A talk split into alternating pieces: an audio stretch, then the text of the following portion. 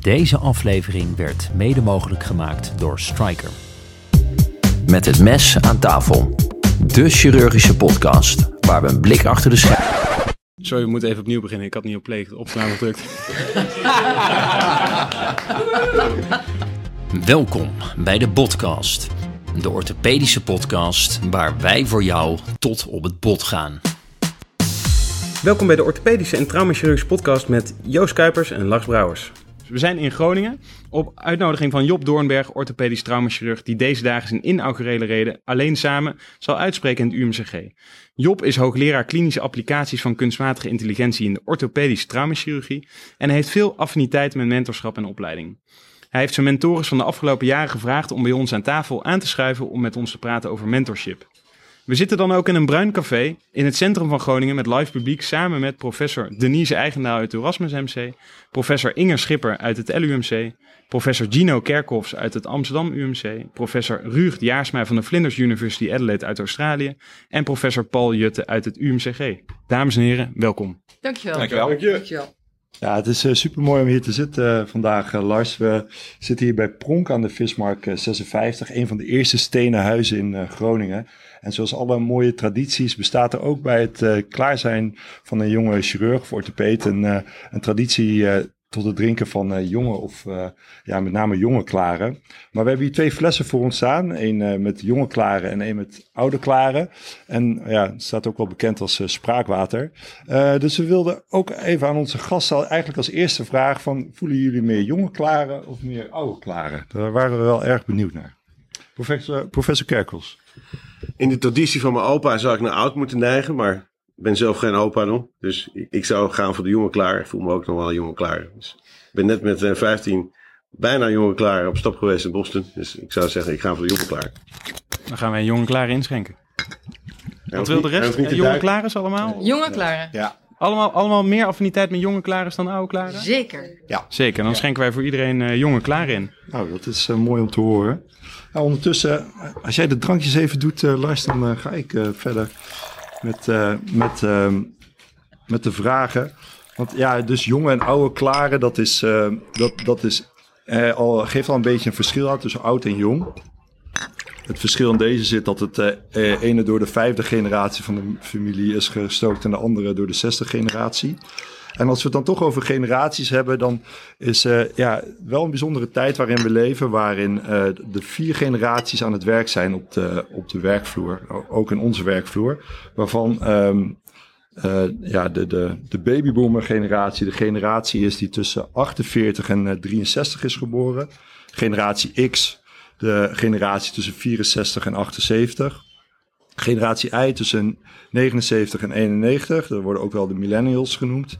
En dan uh, Gen Z, Generation Z, die tussen 92 en, uh, en 2008 is geboren. En, en, ja, de laatste generatie is generatie Alpha, maar die loopt nog niet uh, bij ons rond. Die krijgen wij vanzelf te zien. Ik denk in ieder geval tijdens onze werkzame leven in ieder geval, Lars. En ja, we zullen niet naar leeftijden vragen, maar tot welke generatie voelen jullie je? Dat is eigenlijk veel beter eigenlijk. Professor Schipper. X. X? Absoluut X.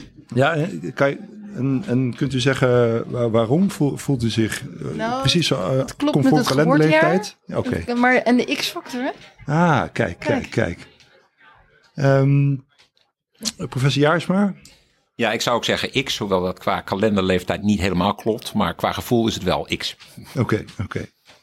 Um, dat betekent dat dat jullie uh, met name dus uh, voelen alsof jullie generatie X zijn. Maar betekent dat de, de millennials die jullie opleiden als mentorschap, dat jullie daar niet per se mee um, hetzelfde voelen? Of voelen jullie dan toch daar afstand tussen? Nou, wat, wat je merkt, en dat is niet zozeer de generatie Y, maar meer de generatie Z al, waar we ook mee te maken hebben, is dat er dingen essentieel verschillend zijn in de opleiding, maar ook in de ervaring van de assistenten. En daar hebben we het natuurlijk uitgebreid over en ook al over gehad. Maar het, um, ja, die verschillen die zijn heel duidelijk aanwezig. En dan weet ik niet of je nu al wil dat ik daarop inga. Of dat Mag zeker. Kijk, wat, wat um, ik heb toevallig gisteren promoveerde een van mijn onderzoekers. En uh, dat is zeker iemand uit de generatie Y. en neigt naar de generatie Z al een beetje toe. En zij hebben hun work-life balance veel beter op orde dan dat wij dat ooit gehad hebben in onze assistententijd, laat staan in onze huidige carrière. En de vraag is wat dat voor invloed heeft op de rest van je carrière. Maar uh, voor nu, als je kijkt hoe ze de aanloop nemen, doen ze dat beter dan dat wij dat ooit gedaan hebben. Het kan ook, we faciliteren het ook beter. Oké, work-life balance komen we inderdaad dadelijk op terug. Uh, maar uh, dan kijk ik heel even bijvoorbeeld naar Denise. Is, vind je het sociaal contact, is dat anders per generatie? Of is dat als mentor zijnde, ga je anders om met, zoals je nu met je studenten omgaat, dan dat je eerder met je studenten omging? Nou, zeker. Um, het is ook een beetje voortschrijdend inzicht. En het is ook een generatie um, die uh, ons regelmatig spiegel voorhoudt. Ik weet nog goed een jaar of tien geleden dat een student bij mij zat op het spreekuur voor één dag, een tweedejaars. En die zei aan het eind van het spreekuur tegen mij: wat vond je er eigenlijk van? ja, dat wilde ik eigenlijk aan jou vragen. Dat was een eye-opener. En hoe leuk is dat? Om dat ook zelf gespiegeld te krijgen. Dus ja, dat, dat is, is ook. Het moet, maar het moet ook wel een beetje organisch gaan. Hè? Het kan niet zo zijn dat wij allerlei spelregels opstellen voor een nieuwe generatie. Een stukje organische ontwikkeling moet daarin zitten. Merk je dan ook in de loop van de jaren, want jullie lopen toch al wat jaren mee, dat daar verschil is en dan hoe, je opleidt? Voor de, je ziet natuurlijk wat voor generaties langskomen. Is dan het vragen stellen of, of de manier van vragen stellen, is dat dan wat het meest uh, ja, naar voren komt? Nou, ik denk, als ik naar mezelf kijk, was het vroeger iets makkelijker. Je zei, je moet het zo doen. En nu vraag je gewoon, wat denk je zelf? Wat zou je zelf doen? En dan komen er soms antwoorden waarvan je denkt van, nou, dat is eigenlijk wel een grappig idee. Dus, dus dat is minder directieve, uh, mensen zelf het initiatief laten, interactie uh, en toch iets meer het buddygevoel in plaats van het meeste gezelgevoel. Dat is ook eigenlijk veel leuker om te doen, vind ik zelf. Oeh ja, dat is een goede. Daar komen we inderdaad zo ook op terug. Voordat we alles inderdaad al uh, prijsgeven uit de podcast. Heel goed. Um, ja, de, de, we hebben het, het mentorship, de, de mentorship, de, de, op, de opname hebben we eigenlijk in verschillende facetten ingedeeld. De, we, we, willen eigenlijk graag starten met de aanname hè, van uh, de aanname van de studenten. Um, jullie hebben net al aangegeven, jullie hebben meerdere generaties opgeleid. Uh, dat, dat is dus anders geweest. Hè. Vroeger meer directief, nu meer mogelijk een buddy systeem. Um, maar je ziet die verschillen over de jaren heen en je ziet dat de studenten zichzelf aanpassen. Maar hoe, hoe heb je jezelf nou daarop aangepast? Ruurt, kun je daar wat over zeggen? Ja, ik denk dat we in het verleden vaak keken naar, uh, is de, de, assistent goed uh, in sport? Is die uh, bij de marine geweest en zal die orthopeed kunnen worden? En heeft hij de drive om dat te doen? En langzamerhand is dat meer verschoven? Is het iemand die in het team past? Is hij uh, uh, betrouwbaar? Um, en, en past hij, ja, hoe zal ik het zeggen, binnen zijn generatie? En is het iemand die niet al te veel problemen oplevert voor ons? Dat is een minimaal verschil, maar ik denk dat het wel een verschil is wat zich op de generatie aanpast. Dus wij hebben ons aangepast en kijken iets anders. We kijken iets meer naar de persoonlijke skills, naar de personal characteristics, als ik het in Engels mag zeggen, uh, dan, dan in het verleden. En, en, kun, je daar over, kun je daar iets over zeggen over hoe je jezelf daar nou op hebt aangepast? Want dat zijn eigenlijk de spelregels die je hebt aangepast, maar ben je zelf nou ook anders gaan acteren? Ja, ja ik, ik, denk ook dat dat uit ervaring komt. Hè. We, we, zien natuurlijk ook welke mensen het goed doen. Welke inderdaad, zoals Denise zegt, uh, buddies worden. Die uh, uh, ja, goed door de opleiding heen gaan. goede collega's worden. En eigenlijk al zijn in het begin. En ja, daar pas je dus op aan. En dat is het gewoon een tijdsgeest. Ja.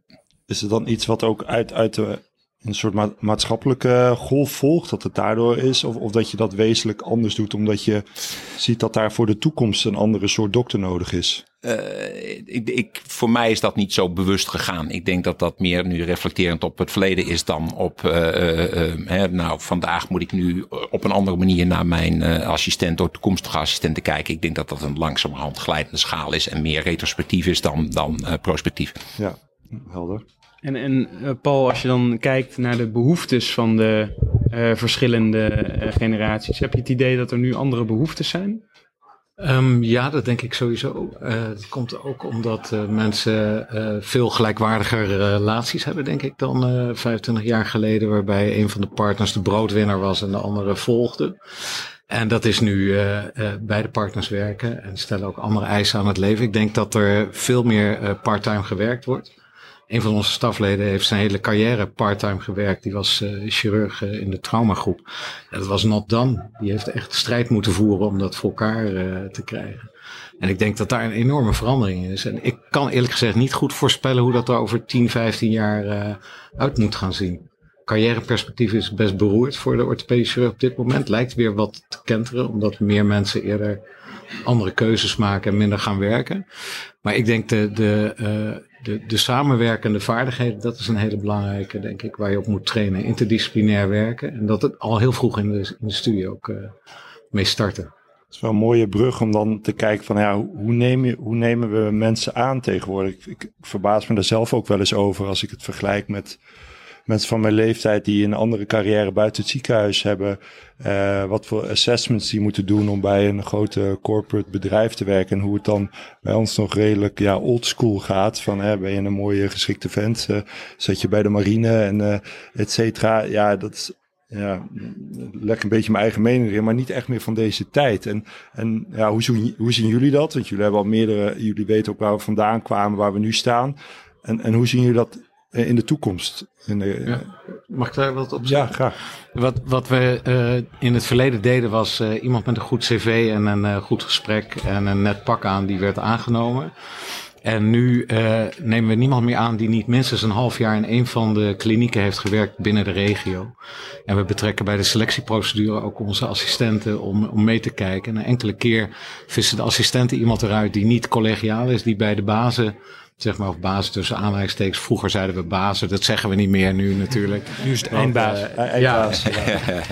en en uh, dus, dus als iemand uh, goed functioneert in de klinische praktijk en zijn werk netjes doet en een, een leuke speler is in het team, mm -hmm. dan, dan maakt hij een hele goede kans om aangenomen te worden. Veel, veel grotere kans dan dat je briljante wetenschapper bent of... Hoe is dat op de andere plekken? Hoe is dat in Amsterdam, Gino?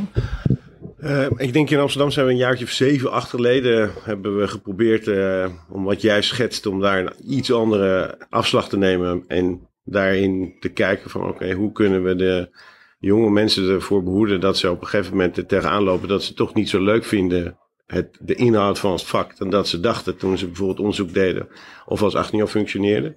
Maar om zoiets dan een groot deel van je leven te doen, let niet het hele leven. Dus dan hebben we gedacht oké, minimaal twee plekken in de ROGO waar er gewerkt moet worden. En op de dag dat er sollicitaties zijn, doen we ook nog een praktische test. Waarbij mensen, ja, we noemen dat de Schafgrot-opdracht. Uh, die verzint dan elk half jaar een nieuwe opdracht. En dan moeten de mensen met PVC-buis en andere dingen iets in elkaar knutselen. Het vogelhuisje bouwen. Bijvoorbeeld een vogelhuisje of een uh, vliegtuig. En dat laten landen. En dan moet je ook de afstand even meten hoe ver het komt. Daar zitten natuurlijk een paar dingen aan. Want er zit ook wel coachbaarheid aan. Want als iemand heel gestrest raakt, kijk, iedereen raakt gestrest, want je wil die plek. En dan denk je, oeh, ik heb nog maar twee minuten. Zal ik nou uh, de handleiding erbij pakken? Zal ik hulp vragen? Ben ik uh, coachbaar? Uh, doe ik iets met wat men tegen me zegt? Dus stiekem halen we uit dat geintje, dat zeker ook leuk is voor de opleiders. misschien in mindere mate op dat moment voor de mensen die dan doen zijn, maar de verhalen daarna zijn eigenlijk voor iedereen wel leuk haal je toch ook wat, wat extra dingen uit. Een beetje uh, op weg naar de assessment, maar dan uh, in een medische uh, specialisme dat ook handvaardigheid nodig. Los van de andere dingen. Dus hebben we iets andere slag gemaakt. En soms zie je ook wel dat mensen tot inzicht komen van ja, eigenlijk vind ik dit dus niet zo leuk. Dus als ik steeds in een stressvolle situatie terechtkom waarbij ik het bij mijn handen eigenlijk niet goed op kan lossen, terwijl dat toch wel een groot onderdeel van ons vak is, dan zie je dat soms mensen zeggen, nou ik begrijp het wel, dus ik ga eigenlijk iets anders doen. Uh, wat ook heel goed aanslaat. En eigenlijk is het natuurlijk wel interessant, hè? want de mensen werken jarenlang naar een moment toe. De, gaan dan één, één sollicitatiemoment van, het, van een uur met het bouwen van een vogelhuisje eventueel. Of een vliegtuig. En, en op basis daarvan worden ze aangenomen, wel of niet. Hè? Even gechargeerd gezegd. Zou je niet meer moeten naar een, een systeem waarbij je uh, kiest voor een, een, een uh, iemand kiest op basis van een psychologisch onderzoek met een kleurenspectrum, waarbij je zorgt voor een uitgebalanceerd kleurenspectrum binnen de opleiding? Ik denk dat je daar een heel goed punt hebt. Ik denk dat het andere onderdeel van zo'n dag solliciteren daar ook precies op aansluit. Dus de mensen hebben dan in twee van de vier klinieken gewerkt, waarin we eigenlijk de gegevens daaruit halen van hoe zijn mensen in welke situaties en welke dingen moeten vandaag aan bod komen als ze uh, komen solliciteren. Dat zijn eigenlijk de middagrondes waarin er verschillende groepen zijn, zoals Paul ook al schetste, waarin je uh, verschillende groepen opleiders hebt en uh, groepen assistenten. Uh, om te zien hoe ze kunnen aansluiten bij X, Y en zichzelf als Z zijnde voor de mensen die nu solliciteren. En welke aspecten daarin naar voren komen. Dus ik denk dat jullie zeker op de goede lijn zitten. En dat wij proberen om vanuit orthopedie en ik denk ook de traumachirurgie daar onze eigen invulling aan te geven. Omdat het wel anders is dan ook in de consultancy business. Uh, we hebben toch ook een ander vak. En op deze manier proberen we wel diezelfde scheiding iets beter te maken. En ook de mensen uh, die het uiteindelijk niet worden, uh, soms laten inzien dat dat misschien wel een betere keuze voor het leven is. En van de afgelopen vijf jaar, voor de mensen die het niet werden, hebben we ze ook daarna nooit losgelaten, maar wel geholpen naar, de, naar een ander beroep toe. waarbij ik telkens eigenlijk wel de feedback krijg dat dat dan eigenlijk wel goed is geweest. Duurt even, want je bent daar inderdaad mee bezig. Maar dat het daarna eigenlijk wel goed is. Dus ik denk die insteek die jullie propaganderen, uh, is een mooie insteek. Wij, wij, wij zien ons natuurlijk als snijdend specialisme, orthopedisch of traumachirurg, zie je natuurlijk als, uh, als uh, ja, iemand die ook naar de maan vliegt. En als je dan vergelijkt met die, uh, die selectieprocedure bijvoorbeeld bij de European Space Agency, die kijkt naar de meest sociale, handvaardige, empathische, communicatief vaardig en slimme mensen voor, voor een nieuwe opleiding tot astronaut. En we hadden het al kort voor, voor het starten van de podcast even over, Inger. Um, ja, hoe, hoe zie jij de, de, de selectie tot chirurg in verhouding tot, tot ook jouw ervaringen met uh, selectie tot uh, astronaut? Uh, daar zijn we wel benieuwd naar wat jouw visie daarop is. Ja, even ter aanvulling voor de, voor de co-assistent met name. Is, jij was de directe concurrent van André Kuipers, toch? Nou, dat zou ik graag willen, maar ik zat in dezelfde sollicitatieronde en ja, hij is het geworden. Um, maar nee, wat, ik heb inderdaad zo'n zo'n uh, selectieprocedure meegemaakt toen met ESA Estec. En dat is buitengewoon interessant. Want wat er gebeurt is dat je twee dagen daar in allerlei apparaten wordt gehangen. Maar ook twee dagen door de molen wordt gehaald. Uh, psychologisch. Om te kijken hoe en wat. En precies alle factoren die jij net opnoemt, zaten daar eigenlijk ook al in versleuteld. dus um, ik, ik heb het idee, maar er speelt meer mee. Want de mensen die daarheen gaan, en dat heeft veel met verwachtingspatronen te maken, denk ik ook. Um, als je daar in zo'n selectieprocedure zit, dan ben je nog steeds. Dat is, dat is fantastisch als je aangenomen wordt. En het is wel zo binnen de heelkunde en binnen de orthopedie dat mensen nog steeds super blij zijn als ze aangenomen zijn. Maar drie jaar later nemen ze ook vrij makkelijk afscheid om naar uh, Pricewaterhouse en Coopers te gaan, omdat dat toch reguliere werktijden geeft en beter verdient, en et cetera, et cetera. Dus er speelt iets anders nog, wat we nog niet goed hebben gepakt in dat. Uh, in, dat, in die selectieprocedure. En dat is nou zo interessant. En daar zit ook de link met het hele gebeuren van Job. Want wij zijn onze hele carrière bezig met wetenschappers om predictiemodellen te maken. En waarom heb jij alles in ChatGPT ingevuld? Maak voor mij het ideale voorspelmodel hoe ik de ideale assistent uh, orthopedie of traumachirurgie, of uh, sorry, chirurgie aanneem. Mm-hmm. Heb je ook nog niet gedaan. Nee. Ik ook niet hoor. Maar nee. dat lijkt me nou, we moeten dat ook op een andere manier kunnen ontwikkelen. Vogel, vogelhuisjes. Is toch een mooie ja, foto van een vogelhuisje? Ik denk, vogelhuisjes ik denk niet dat er vogelhuisjes bouwen uitkomt, eerlijk gezegd. Ik, kijk, wat, wat het grote verschil, denk ik, wat met vroeger is, is de humane factor. Hè? Dat zei Gino net ook. Die nemen we veel meer mee dan vroeger. Maar er zijn gewoon basale voorwaarden die je moet stellen aan iemand die chirurg of orthopeed wil worden. En uh, ja, het is af en toe oncomfortabel en daar moet je mee om kunnen gaan. En ja, het is af en toe stressvol en daar moet je mee om kunnen gaan. En ja, je moet dedicated zijn. Want als je dat niet bent en als je denkt, ik doe het erbij, want daarnaast ben ik botox aan het spuiten in een privékliniek. Um, dan gaat het niet werken. Dus het, het vraagt zoveel hele complexe dingen van een, persoon, denk ik, dat die selectieprocedure, het is niet voor niets dat we er allemaal nog enorm mee worstelen. En nog steeds niet een, uh, zeg maar, een 90% norm uh, halen met de mensen die we selecteren, dat die de eindstreep ook halen.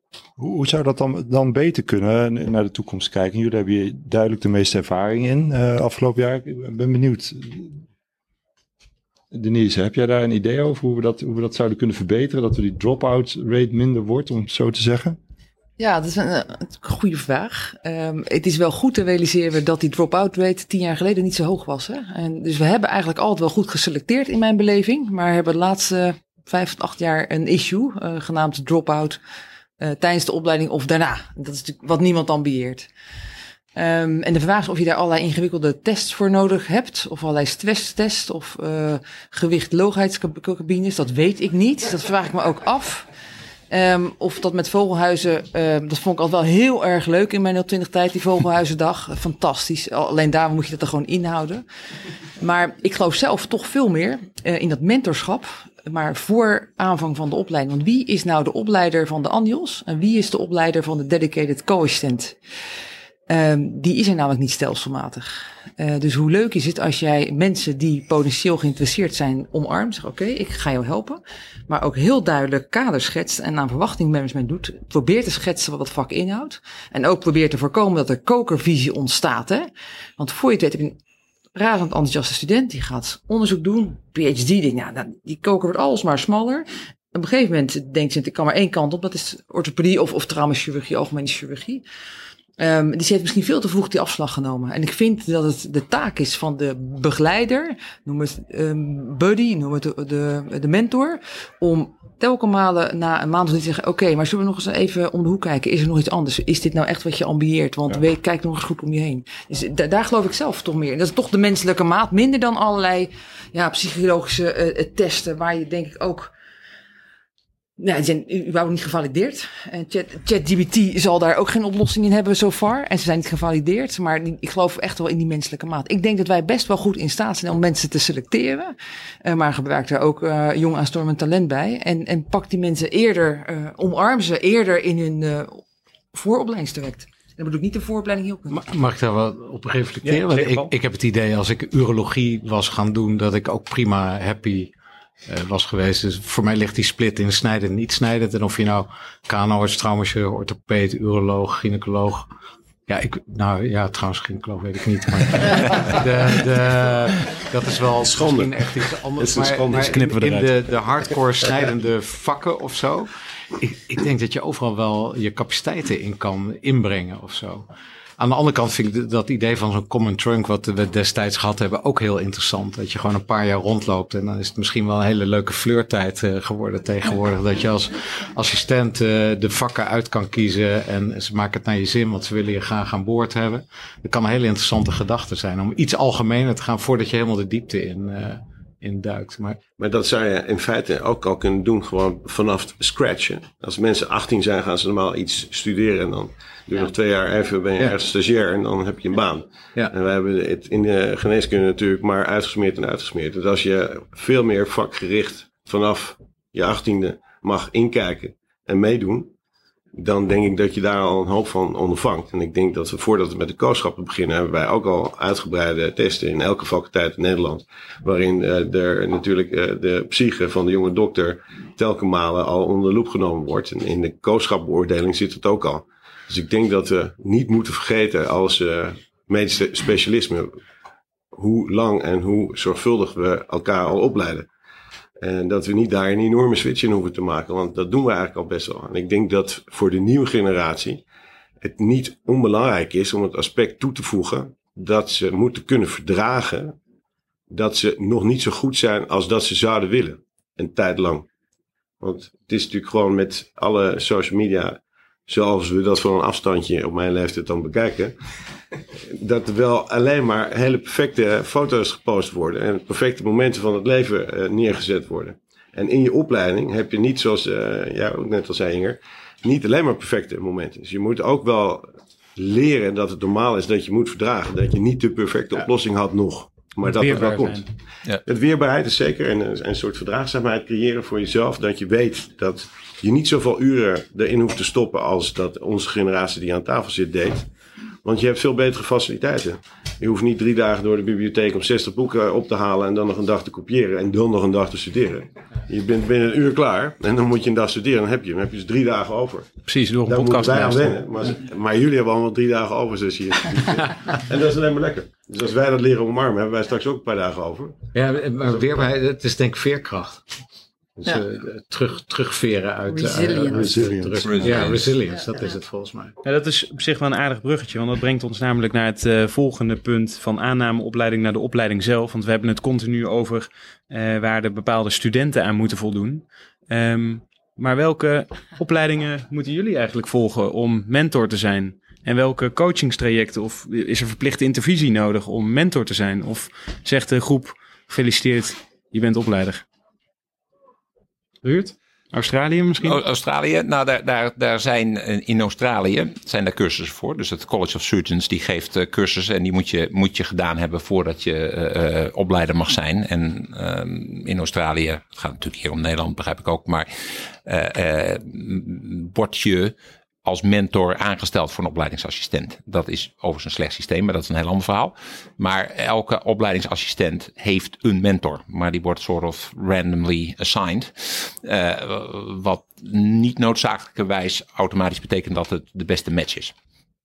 Maar daar, daar is dus een, een traject aan cursussen en aan tics, de boxes die je moet voldoen voordat je uh, mentor mag zijn en voordat je opleider mag zijn en voordat je supervisor van uh, opleidingsassistenten mag zijn. En is dat, is dat in Nederland anders? Ik weet niet hoe het bij de orthopedie is, maar ik, bij de chirurgie is het niet per se zo dat elke assistent ANIOS en AIOS een mentor heeft. Uh, dus dat is iets wat, waar we denk ik nog wat verder mee kunnen ontwikkelen. En zeker ook, uh, hebben, we hebben natuurlijk een heleboel teacher, teachers en hoe moet je omgaan, hoe moet je communiceren en andere cursussen ook. Um, uh, voor de, zeg maar het onderwijs in het dagelijks leven en de opleiding. Maar het specifiek mentor zijn vraagt meer van je dan alleen opleider zijn, zeg maar, als onderdeel van de opleidingsgroep. En um, volgens mij hebben wij dat in de heelkunde nog niet goed geregeld. Uh, mentorschapcursussen. Ze zijn er wel, maar ze zijn niet verplicht. We hebben het ge, getoetst bij de assistenten of ze daar behoefte aan hadden. En die, die bleek er eigenlijk niet te zijn. Bij de orthopedische assistenten? Bij de orthopedische assistenten, ja. Dus wat we wel uh, doen is uh, deelnemen aan het uh, programma Challenge and Support. Dat is misschien bekend, maar dat is een, een landelijk coachprogramma waar je vrijwillig aan mee kunt doen. Wat coaching geeft bijvoorbeeld een heel goed effect op die resilience, blijkt uit onderzoek. Wat ze ook doen in dat netwerk. En daar doen we sinds een jaar of drie aan mee nu voor het derde jaar. En dat levert wel uh, goede uh, commentaren op van zowel stafleden als assistenten die daaraan meedoen. Maar dat koppelt niet één op één de, de opleiding aan, aan het, het hele verhaal. Terwijl ik denk die soft skills die je kunt leren bij de coach heel relevant zijn voor je weerbaarheid en je veerkracht tijdens de opleiding. Ook voor het plezier in de opleiding. Ja, dat Overigens, we, we hadden laatst zo'n, zo nog, ik had nog een nabrander over die burn-out, of burn-out, over de, over de uitval, sorry. Uh, uh, waarom assistenten stoppen. We hadden laatst met de, met de beroepsvereniging zo'n dag. En uh, eigenlijk geeft 96% van de mensen aan dat ze hun vak hartstikke leuk vinden. Ja. Dus daar, daar zit het niet in. Het beroepsperspectief speelt een, speelt een rol. Er zijn allerlei factoren. Het is heel fascinerend. Ja, iedereen is trots dat hij het vak doet. Maar er Ja. zijn dan... Het is ook het leukste vak Ja, van de hele wereld. Ja. iedereen het in deze ruimte over eens, zeker.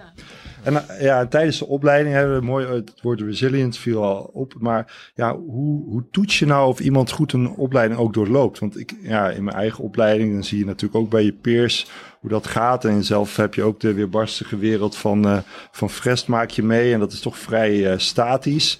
Jullie hebben ook al verschillende manieren van toetsen. En eigenlijk is toetsen, speelt met name een rol als het bij een assistent niet zo lekker gaat. Dan wordt er opeens veel op Frest gelet. En anders dan, ja, ja, als ik voor mezelf spreek, dan fiets je er een beetje doorheen en dan ben je opeens uh, medisch specialist. Uh, dat is ook niet misschien zoals het moet. Er wordt meer naar kenmets gekeken.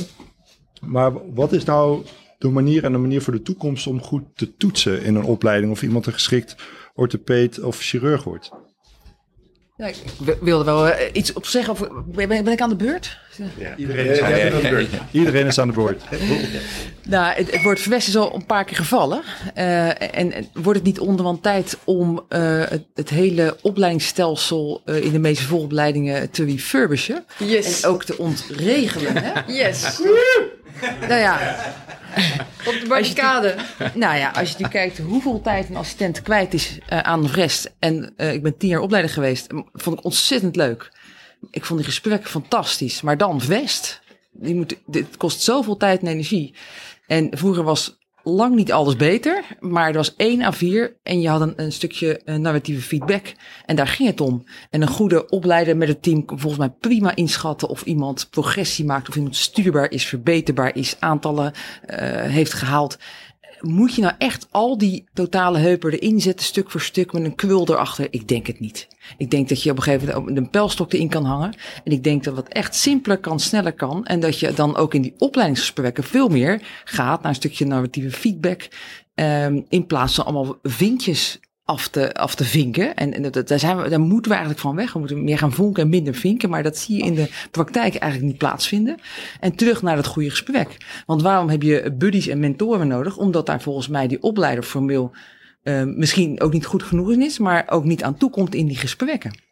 Um, en of je dan een mentor nodig hebt daarnaast, dat weet ik niet. Volgens mij moet het beschikbaar zijn in een vakgroep. Als je drie mensen hebt in een vakgroep die die, skills hebben, en die kan je, dat voel je toch een beetje, ja, op je uh, vingerspitsengevoel voel je dat aan. Zeg, dat zijn de buddies voor de AIOS. Als je wil, kan je daar gebruik van maken. Het hoeft niet. Je hebt tenslotte ook AIOS die een fantastisch netwerk hebben, die zeer communicatievaardig zijn. Die hebben soms zo'n buddy of mentor niet echt nodig. Die weten ze toch wel te vinden. Dus je moet het volgens mij niet, niet weer gaan formaliseren en dan weer schema's maken en weer afvinken en krullen. Nee, alsjeblieft zeg. En, en Denise, ik, ik zie een van jouw junior studenten achter jou heel hard nee knikken over het nut van Vrest. Overigens zit hij nu ongeïnteresseerd op zijn telefoon.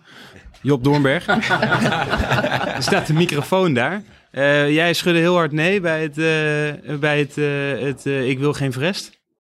Nee, dat is inderdaad overformalisatie van, van mentorschap. En ik denk dat we daar, ja, woehoe, zei je al. Ik denk dat het unaniem is hier, toch? Ja, ja daar gaan we. Dus, dus, kunnen we die afhameren meteen? Ja. maar jij zegt overformalisering van mentorschap. Maar ik denk dat er wel een verschil is tussen coaching of opleiden en mentorschap. En ik denk dat dat verschil wel gemaakt moet worden. Want um, opleiden en coachen in iemand in een opleiding kan af en toe nodig maken dat je mijlpalen uh, behaalt en ook formaliseert. Dus helemaal terug naar dat halve A4'tje narratieve beschrijving is misschien net ook weer een beetje terug, ver terug het pendelen weer in. Uh, ik snap wel dat het wel anders kan dan met Frest. Maar het mentorschap is echt, tenminste voor, voor mij is dat heel iets anders. En ik vind het altijd verbazingwekkend dat mensen daar niet allemaal gebruik van maken. Want er zijn om je heen, als je in opleiding bent, zit er een hele staf boven je. En er zijn allemaal mensen met goede verhalen en goede ervaringen, waar je in ieder geval iets van kan leren. En het is aan de assistent in opleiding om eruit te halen wat ze ervan willen leren. Maar ze kunnen er altijd iets van meenemen. En ja, ik zou alle assistenten altijd aanraden om een keertje met zo iemand te gaan zitten. En je hoeft het niet eens formele mentor te noemen, maar ga een keer zitten en uh, vraag op de man af. Net zoals dat jouw student vond van wat vond jij er nou van bij de poli? Uh, van uh, wat heeft je hier gebracht? Ja, Nee, ja, mooi gesproken, Inger. Dat, uh... Gino wilde nog wat over zeggen. Oh, ja, ik vond het is, is, een leuk stukje. Ik denk daarin dat, uh, kijk, mensen die in de opleiding zijn tot medisch specialist en die dan ook nog een snijdend specialist kiezen, die zijn ook geen 18 meer. Dus die hebben vaak kinderen en zijn heel verantwoordelijk in het leven al gestapt en hebben al een hele geschiedenis van minder verantwoordelijke fases doorlopen. Dus die, misschien spreek ik voor mezelf, maar dat, dat is eigenlijk. Maar ik denk dat je dus ook gewoon kan vragen wat ze nodig hebben. En onze uh, huidige groepen in Amsterdam UMC binnen, zeg maar, die hebben een leuke intervisie gestart. Een jaar geleden zijn er super happy mee en hebben dus nu wat minder uh, behoefte aan senior mentorschap. En zo kan dat volgend jaar net weer anders zijn. Maar ik denk dat we moeten durven vragen van, hé, hey, wat heb je nodig? En en, en gaat het goed zo voor je of moeten we iets anders bieden? Mag, mag ik daar nog één ding op reageren? Want wat, wat ik heel interessant vind, in ieder geval in Leiden is het zo dat de mensen die, de high potentials binnen Leiden, die krijgen allemaal, en dat zijn dan al stafleden, dat zijn specialisten al. En dan high potentials voor tenure track en, en, professorschap, die krijgen allemaal een mentor, sowieso aangewezen, van nog oudere specialisten, zeg maar. en, en maar het grappige is. Gino, Gino duikt onder tafel. dat, ziet de co-assistent de luisteraar. Dat is een klein hè? Ja. Van, ook zulke jonge mensen. Ja.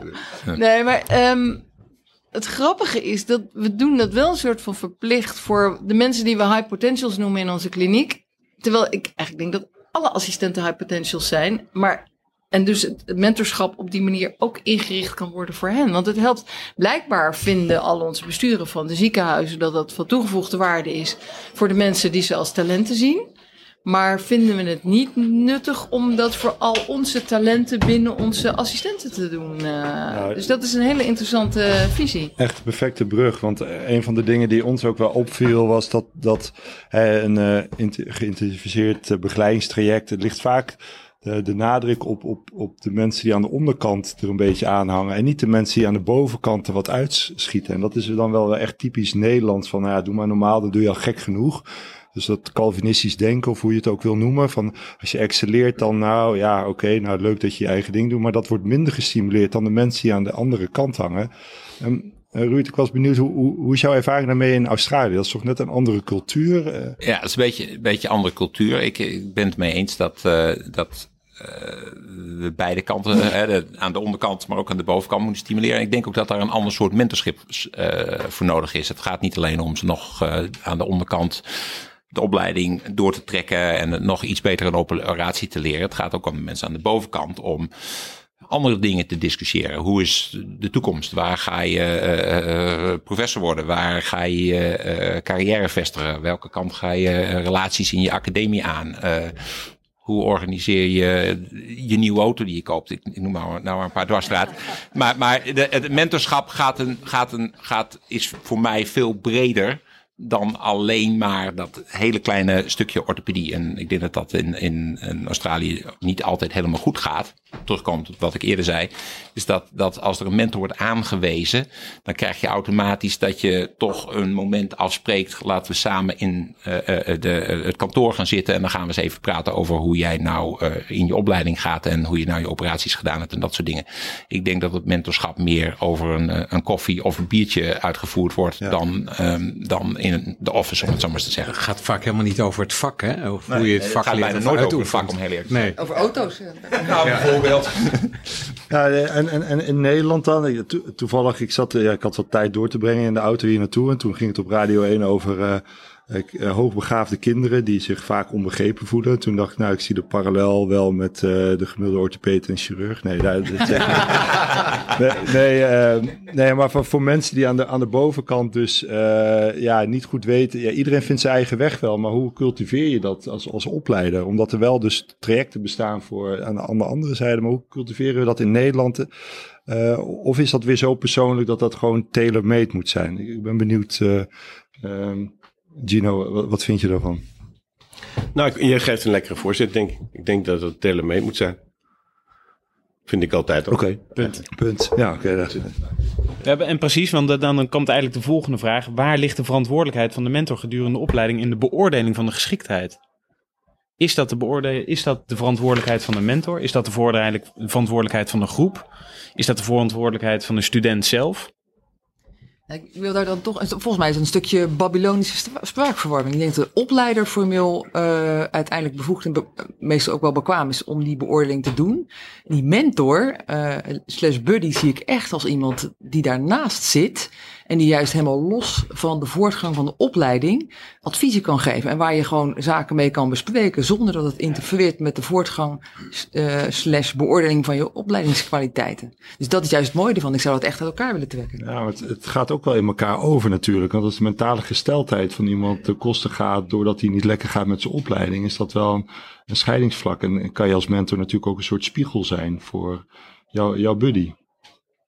Ja, maar als opleider beoordeel je ook veel meer. En als mentor doe je dat nooit. Ben je nooit judgmental. Nee, nee zeker. En ja. um, als ik even, dan ga ik even terug in die story. Maar voor de hashtag MeToo-periode, waarbij we ontzettend veel aandacht hebben georganiseerd voor al het ongewenst gedrag, wat we ook in de chirurgie hebben, was het toch regelmatig zo dat ik met uh, vrouwelijke assistenten om tafel zat, uh, die dingetjes meemaakten. En dat was allemaal helemaal niet erg. Maar om tips en tricks van hoe ga je daar nou mee om? Hij is gewoon vervelend tegen me. En uh, pesten en boelien en dat soort dingen. En dat is voor een mentor ook een ding. En dat gaat helemaal niet alleen om carrièrekansen te creëren, maar het gaat ook om uh, ja, een beetje het begeleiden. En dat is wat die buddy, mentor, noem het, geef het een naam, meer doet, denk ik, dan de opleider die ook echt een formele taak in ja. het beoordelen heeft. Ja, om het op die manier uit elkaar te halen. Ja, ja, je hebt ook nog coaches. Hè? En, en, coaches doen weer wat anders. Ze zijn ja. meer supportive, uh, denk ik. En een mentor heeft wat meer afstand tot, uh,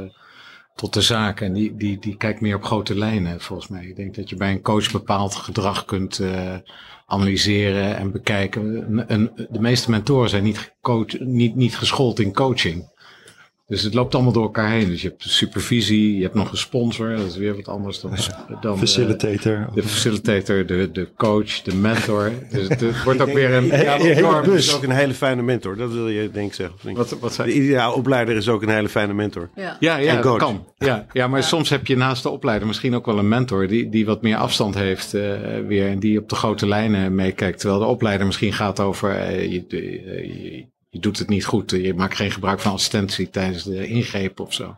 Ja. Ik denk dat die korter op de werkinhoud zit. En de, de mentor die kan wat meer overkoepelend uh, kijken. Maar misschien moeten we dat even aan Job vragen. Want we hebben Job allemaal gementord. Uh, Job op onze manier zonder daar bewust van te zijn. Maar, uh, van, van Gino moest ik mijn assistentie beter gebruiken. Dat weet ik zeker. Maar, maar het mentorschap, jullie, het heeft de definities van Denise, inderdaad. Dus mentor, en wat, wat Inga ook al zei, mentorschap is echt iets anders dan opleiderschap. Echt iets compleet anders. Dus wat ik persoonlijk zoek in een mentor is inderdaad niet hoe ik mijn haakje vasthoud of hoe iemand anders het haakje moet vasthouden. Dat is, help me nou ja, in het leven, op het pad uh, en, uh, en, en, en dat gaat ook andersom. Hè? Dat, ongevraagd krijg je ook dat soort advies. Ja. Dus dat is echt significant anders dan opleiders. En, en hoe je beweegt en wat, wat je motiveert en waar je ja. zit in je carrière en wat de volgende stap zou kunnen zijn. En ja. hoe, je, hoe je omhoog komt als je dat wil. Da, je dat soort adviezen. Die, die... Ja, veel breder dan de orthopedie op, op zich. Ja. Uh, bij ons kan ik alleen maar zeggen dat de opleider, hoofd van de afdeling en de mentor zijn drie verschillende personen. Altijd. Ja.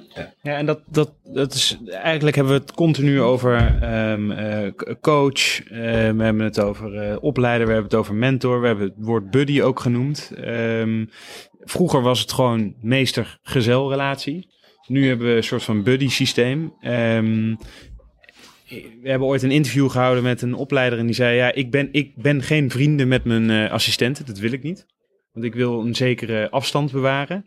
Ja, maar welke stijl hangen jullie aan? Um, wil je vrienden zijn met je assistent? Wil je samen een biertje drinken en een grapje maken? Of, of zeg dat is je wat van... anders, hè? Ja? Het zijn twee verschillende dingen die je nu zegt. Ja, vertel.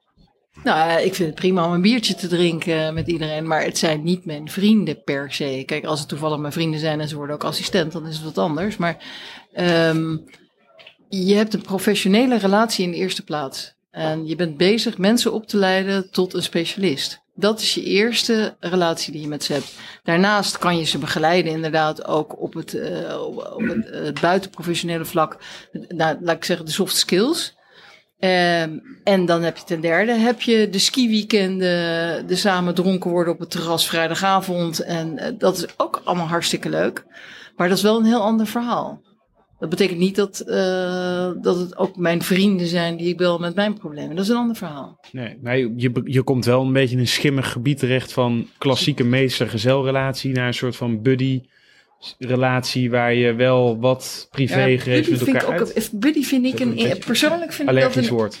nee, absoluut niet, maar een ingewikkelde term. Ja. Um, buddy um, uh, ja, associeer ik met uh, gelijkwaardig gelijkwaardig, ja, hè, op gelijkwaardig niveau. En dat, um, je, ik denk ook, en daar worden wij allemaal van doordrongen ook in onze, in onze posities.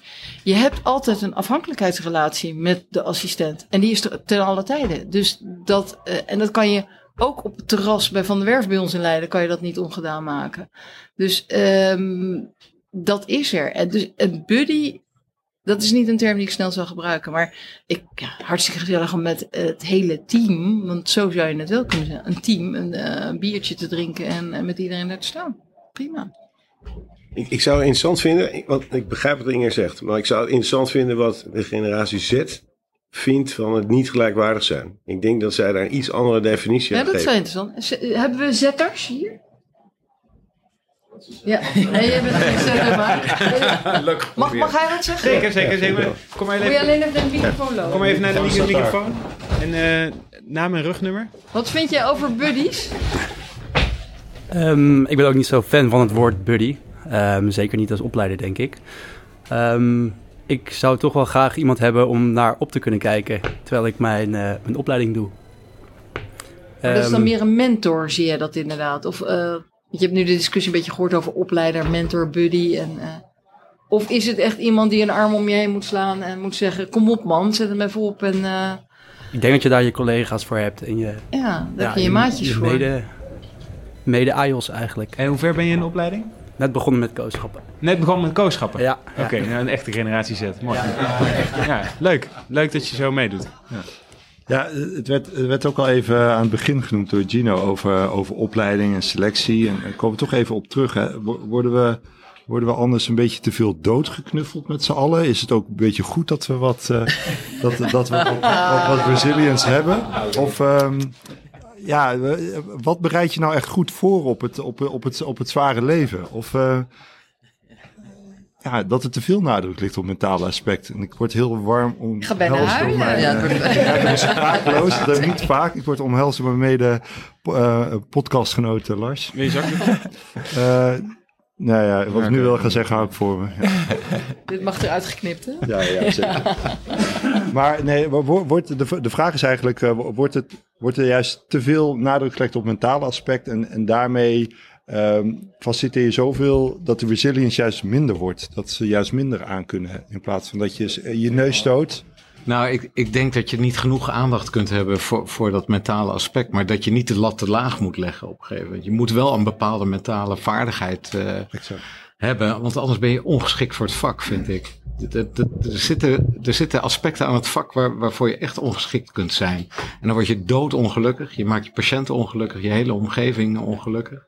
Je moet een bepaalde brede rug wel op een of andere manier ontwikkelen, anders hou je ook niet staande. Het, het, ja, het is geen hippie society waar je in terechtkomt uh, in zo'n ziekenhuis. Nee, waar nee, iedereen uh, love and peace. Dat, dat, is er gewoon niet. Nee, Tenminste, zo zie ik het. Nee, terecht. dat gaat niet de goede kant op. nee. Zie je Rotterdam wel bij de nieuws. Uh, daar is het een hippie. ja, de 010 is één groot feestgedruis. Um, maar de een sluit het ander natuurlijk niet uit. Ik vind, ja, je kunt het prima zeggen. Um, zo moet je doen, dit gaan we doen. je kan zeggen, iets in order. Of je kan met mensen in gesprek gaan. Dat is vele tonkie, muziek. Uh, en natuurlijk, ik ben het met je eens, Paul. Die softe skills wordt misschien allemaal te soft. Maar dat, ik vind dat de meeste... Nee, oh, maar, maar, soft skills is niet dat je soft bent, hè? Nee, je hebt een goed punt. Maar weet je, en de meeste AIOS, die vinden dat, weten dat zelf ook wel, hè? Die, die gaan echt niet heel lief en aardig doen en vervolgens weten dat ze elkaars niet voorbereiden wat dan ook. In het algemeen zijn AIOS fantastisch, die bereiden dingen supergoed voor. Uh, en denken echt niet, joh, met, met een knipoog en een, en een lach dan, kan ik leven ingeving doen. Dat, dat is, zo is het ook weer niet, hè? Dus ik, ik denk dat dat uh, complementair is. En, dat, wat, en nog even over het friendship. Ja, je wil als AIOS ook geen vrienden worden met je opleider. Ja, er zit ook ja, toch niet zijn oude eigen. Dat gaan we dan doen samen. ja, ja dus precies dat. Ik ben heel, nee, ja, het is ontzettend leuk om sociale events met elkaar te hebben. Maar dat was vroeger ook. Toen wij een meeste gezelopleiding hadden, hadden wij fantastische ski-weekenden. Uh, het moment op het, ja, althans in mijn opleidingstijd. Dat is, vol, dat is nog steeds zo en nog steeds belangrijk. Oh, maar belangrijk. ja, om nou vrienden te worden met elkaar, ja, dat hoeft niet per se. Denk Moet je dan meer een facilitator zijn?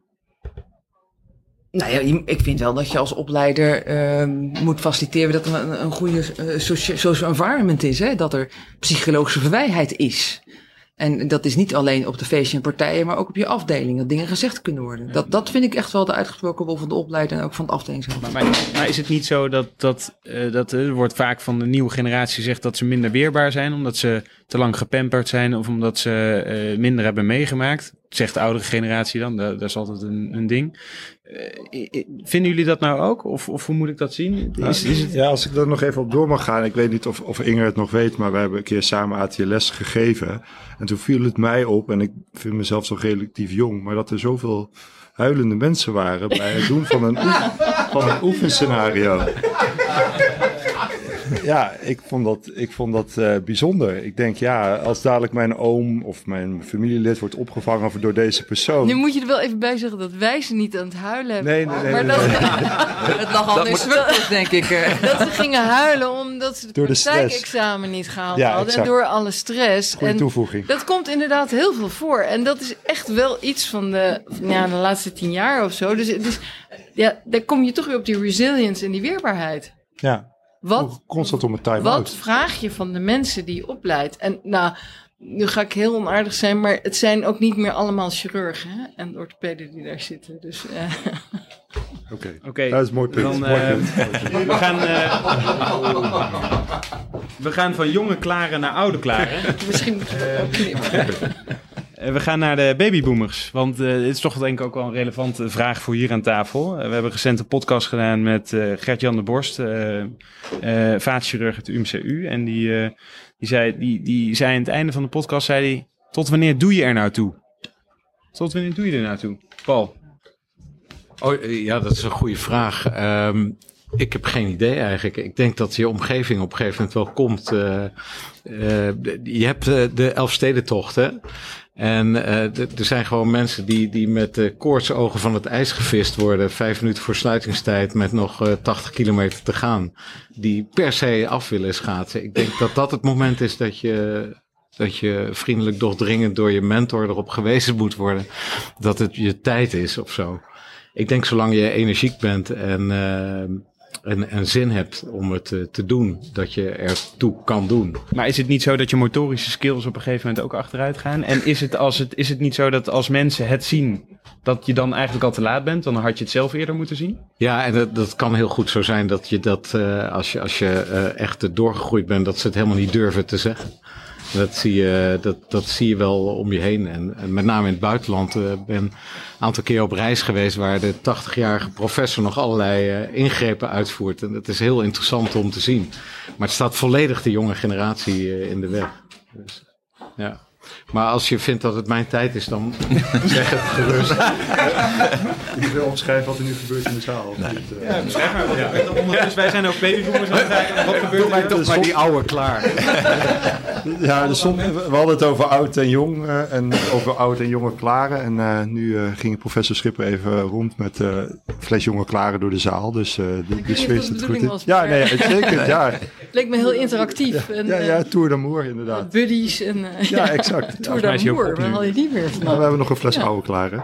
Ja, die is, die is verrassend vol nog. Ja.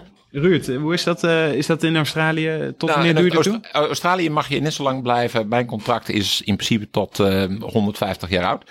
Dus dat is een, een, een, een raar iets. We zien vaak eh, orthopeden toch rondlopen van een jaar of 70, 75.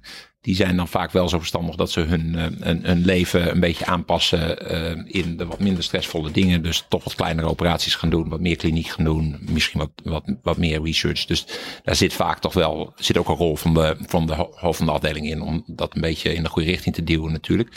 Maar ik denk dat tot, ja, tot wanneer doe je ertoe? Ik denk dat dat vooral bepaald wordt door, door de groei die je ook als oudere orthopeed, chirurg doormaakt. Ik denk dat als je al 30 jaar lang hetzelfde kunstje doet en eh, langzamerhand een beetje op een zijspoor eh, daardoor raakt, dat, dat, eh, dat je wat eerder uitgerangeerd bent dan dat je ook door blijft groeien, andere dingen oppikt, toch nog actief blijft in de research of nog een, een, een nieuwe chirurgische techniek binnenbrengt. Dat soort dingen. Ik denk dat je jezelf relevant kan houden. En, en moet je dan niet zeggen van dan net zoals je rijbewijs en je ATLS die je moet refreshen, moet je niet ook gewoon je handvaardigheid refreshen? Ja, dat, dat zou een goed systeem zijn. Dat is bij ons niet zo, maar dat zou denk ik eh, belangrijk zijn. Dat wordt nu toch eh, ja, door je collega's en het hoofd van de afdeling bepaald.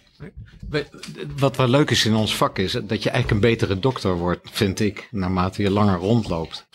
Het is niet zo dat je, dat je sleets eh, wordt. Je hebt juist, juist op die overdrachten, dat doet me denken aan dit of dat, zoek dat eens uit. Of, dat, is, dat is heel interessant, vind ik, in ons vak, als je het vergelijkt met veel andere vakken. Maar daar is ook wel wat evidence over. Hè? Het is een leuk paper uit 2018. En die laat zien dat in een snijdend vak, dat ging over de orthopedie, dat je eh, na 15 jaar eh, op een peak performance zit. Op een aantal parameters. Dus je hebt 15 jaar nodig om op die piek te komen. Maar dan na 15 jaar gaat het ook meteen bergafwaarts. En daar ligt dan wel de crux hè, van hoe ga je het nou bezorgen dat, dat je langer op die piek blijft. Ehm, en dat je die feedback krijgt van je omgeving. En ik denk dat bijvoorbeeld een 360 graden beoordeling elke twee jaar bijna verplicht zou moeten zijn vanaf een bepaalde. Dat je ehm, vanaf een bepaalde leeftijd eh, gewoon om de twee jaar. Doe een 360 graden beoordeling van je eigen eh, vakgenoten en AIOS. En kijk gewoon anoniem van, van wat vind je nou van me. En als je eh, ziet dat je bepaalde zaken faalt, maak dan als afdelingshoofd een ouderenbeleid. En want dat is ook bijna een vies woord in de, in, in de geneeskunde. Ouderenbeleid. En op een gegeven moment ook keuzes maken. En mensen ook dingen gunnen. Je moet op een gegeven moment mensen gunnen om zaken te doen waar ze nog wel goed in zijn. Ja. Het is wel grappig dat je dat zegt. Want... Ga je gang, nee, ga je gang. Frest boven 50? Nou, liever niet. Het is wel grappig dat je dat zegt, ouderenbeleid, want dat is natuurlijk een heel hot topic op het ogenblik. Ehm, en eh, dat raakt ook meteen aan het jongerenbeleid, want we hebben natuurlijk jonge klaren die werkloos zijn. Ehm, en ouderen die eigenlijk veel te lang doorgaan. Eh, want bij ons mag je weliswaar niet tot je 150ste doorwerken, maar ehm, wat, in de academie is het zo dat je op je 60ste mag stoppen met diensten. En ik denk dat dat een hele goede regel is. En dat is in de periferie, eh, periferie absoluut nog niet overal zo. Hè. Dat heeft natuurlijk ook met inkomsten te maken, dus dat is heel begrijpelijk. Maar ik denk dat je uiteindelijk, als jij nou zegt wat je terecht opmerkt, hoe houden we mensen nou langer op die piek, hè, na 15 jaar? Dan is het denk ik heel erg belangrijk om te zorgen dat ze dat fysiek ook vol kunnen houden. En dan is het stoppen met diensten op je zestigste, denk ik, een hele goede. Want uh, ja, dat is gewoon een moment waarop je het zwaarder gaat krijgen tijdens uh, de, de, nachtdiensten en het vervolgens doorgaan de volgende dag. Um, en daar staat naast dat als je wat minder gaat werken, dat je ook weer, als je dat met een aantal mensen doet, dat je plekje maakt voor iemand die jonger is en nog een baan zoekt. Ja, ja, ja mooi gezegd Inger. En, en Paul, jij zei het net ook al, van als je die ervaring, die, die is anders in an, dan in andere vakken of andere werkzaamheden, dat die ervaring ertoe doet. En um, ja, jullie zijn in, in de volle zomer van jullie carrière, om het zo te noemen. Maar ergens gloort toch wel de, de nazomer en de herfst aan de horizon. um, verre horizon. Knippelmomentje. Dat was het einde van je opleiding. Ja, ja. Dat vraag je dat specifiek aan mij? nee, nee, nee, nee zeker niet. Oké. Okay. Omdat jij, jij het had over de meerwaarde van, uh, van juist ervaring bij een ja. overdracht. Ja. En de vraag is eigenlijk van Um, ja, wie, of wat, leid je dan op? Is het een nieuwe versie van jezelf of is het een betere versie van jezelf? Waar wil je dat die, uiteindelijk wil je die kennis overdragen en alle ervaring die je hebt opgedaan tijdens je carrière, dat je dat weer meegeeft en dat daar iemand weer op verder kan bouwen. Ja.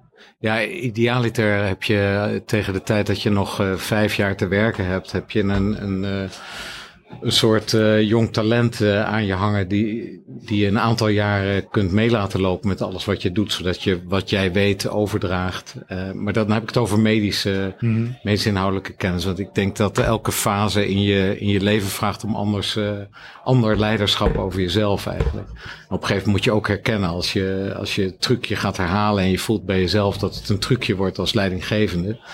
En ja, dan, dan wordt het tijd, denk ik, om ruimte te maken voor iemand anders. En medisch technisch kun je een hele, hele lange tijd mee, uh, uh, denk ik.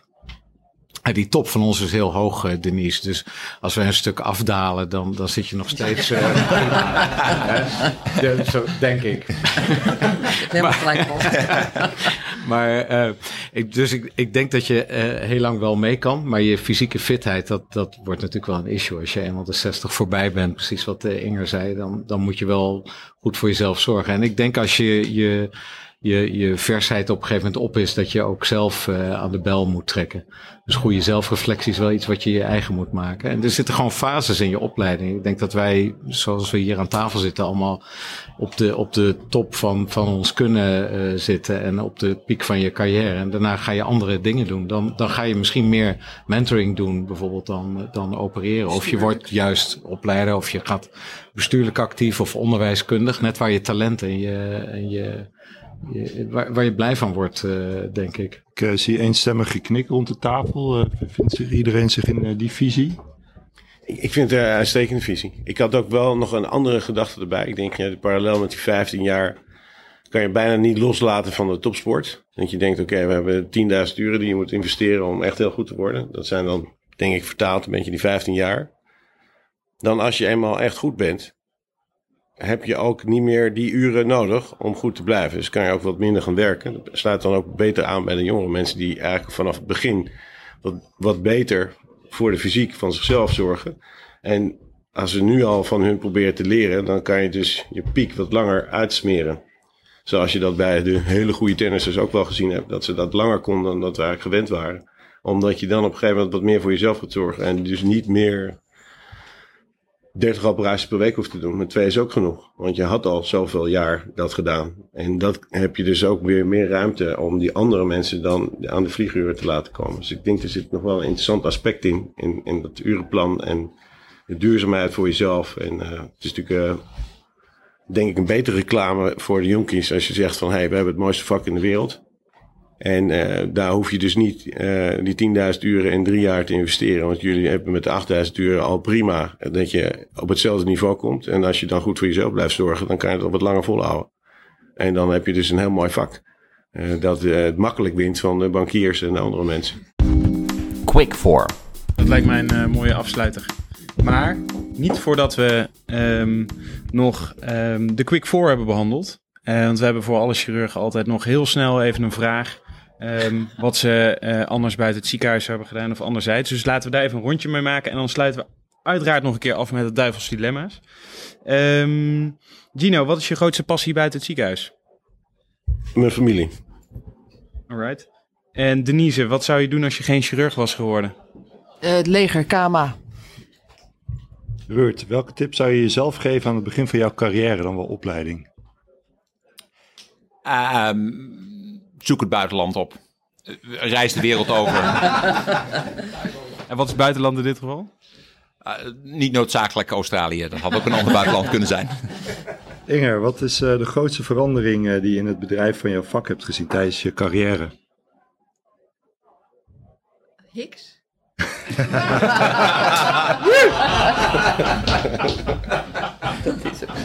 en Paul, wat is jouw grootste passie buiten het ziekenhuis? Um, uh, buiten. Uh, tuinieren, wandelen met de hond, sporten. Dus veel buiten Groningen heb ik al gezien ja. in de trein toen ik erheen kwam. Vooral niet heel groot buiten. Nee, alleen maar buiten eigenlijk. De grote leegte. Duivelse dilemma's. Uh, duivelse dilemma's. Um, Ruurt, Australië of Nederland? Dat is een moeilijke vraag. Zeker in dit forum uh, ben ik een beetje bang om daar een echt keihard antwoord op te geven. Maar ik denk dat, uh, dat uh, mijn emigratie een hele luxueuze is geweest. Had prima in Nederland geaard. Ehm, de orthopedie in beide landen is 99,9% hetzelfde. Het gaat vooral om het leven daarbuiten. Mooi. Inger, astronaut of chirurg? Ah, ik wist dat die kwam. ik kan niet anders dan chirurg zeggen. Oké. Okay. Uh, en Paul, is uh, Groningen of de Randstad? Oh, uh, Groningen. Denise, generaal of chirurg? orthopedisch chirurg. En Gino, Ajax of Feyenoord? Sparta. Ik, ik, ik, zie iedereen lachen, dat is duidelijk. Amsterdam. Ajax. Ajax. en als, uh, als laatste afsluiting, ik hoop dat jullie, uh, we gaan gewoon even het rijtje af, want ik vind, wil het van ieder van jullie horen en dan heeft de laatste het langste tijd om te denken. Hebben jullie nog een take-home message of een laatste boodschap voor de luisteraars of de mensen hier aanwezig? Ruurt?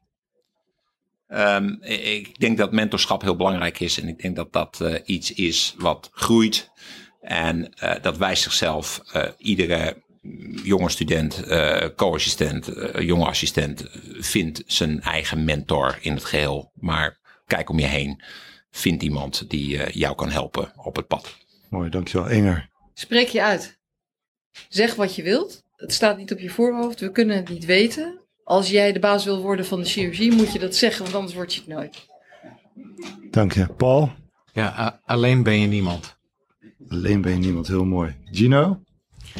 Die moest ik nog even laten bezinken. Maar ik wou tegen de jonkies zeggen dat zij de inspiratie zijn om uh, nog lang door te blijven werken. Mooi. Denise? Nou, iedereen heeft mentorschap in zich. Dus van jong tot oud uh, zou in ieder geval daar uh, aan moeten bijdragen. Ook de AJOS en de ANJOS en de co-assistent. Geweldig. Nou, dat zijn mooie afsluitende woorden. En een mooie afsluiting van deze gemeenschappelijke podcast. Hartelijk dank voor deze samenwerking, Lars, tussen het mes aan tafel en, uh, en, en de podcast. Het was tot de een, volgende keer. Ja, tot de volgende keer, inderdaad. Oké, okay. dankjewel. Deze aflevering werd mede mogelijk gemaakt door Striker. De beweringen en meningen van de sprekers in deze podcast vertegenwoordigen niet noodzakelijkerwijs standpunten van Striker.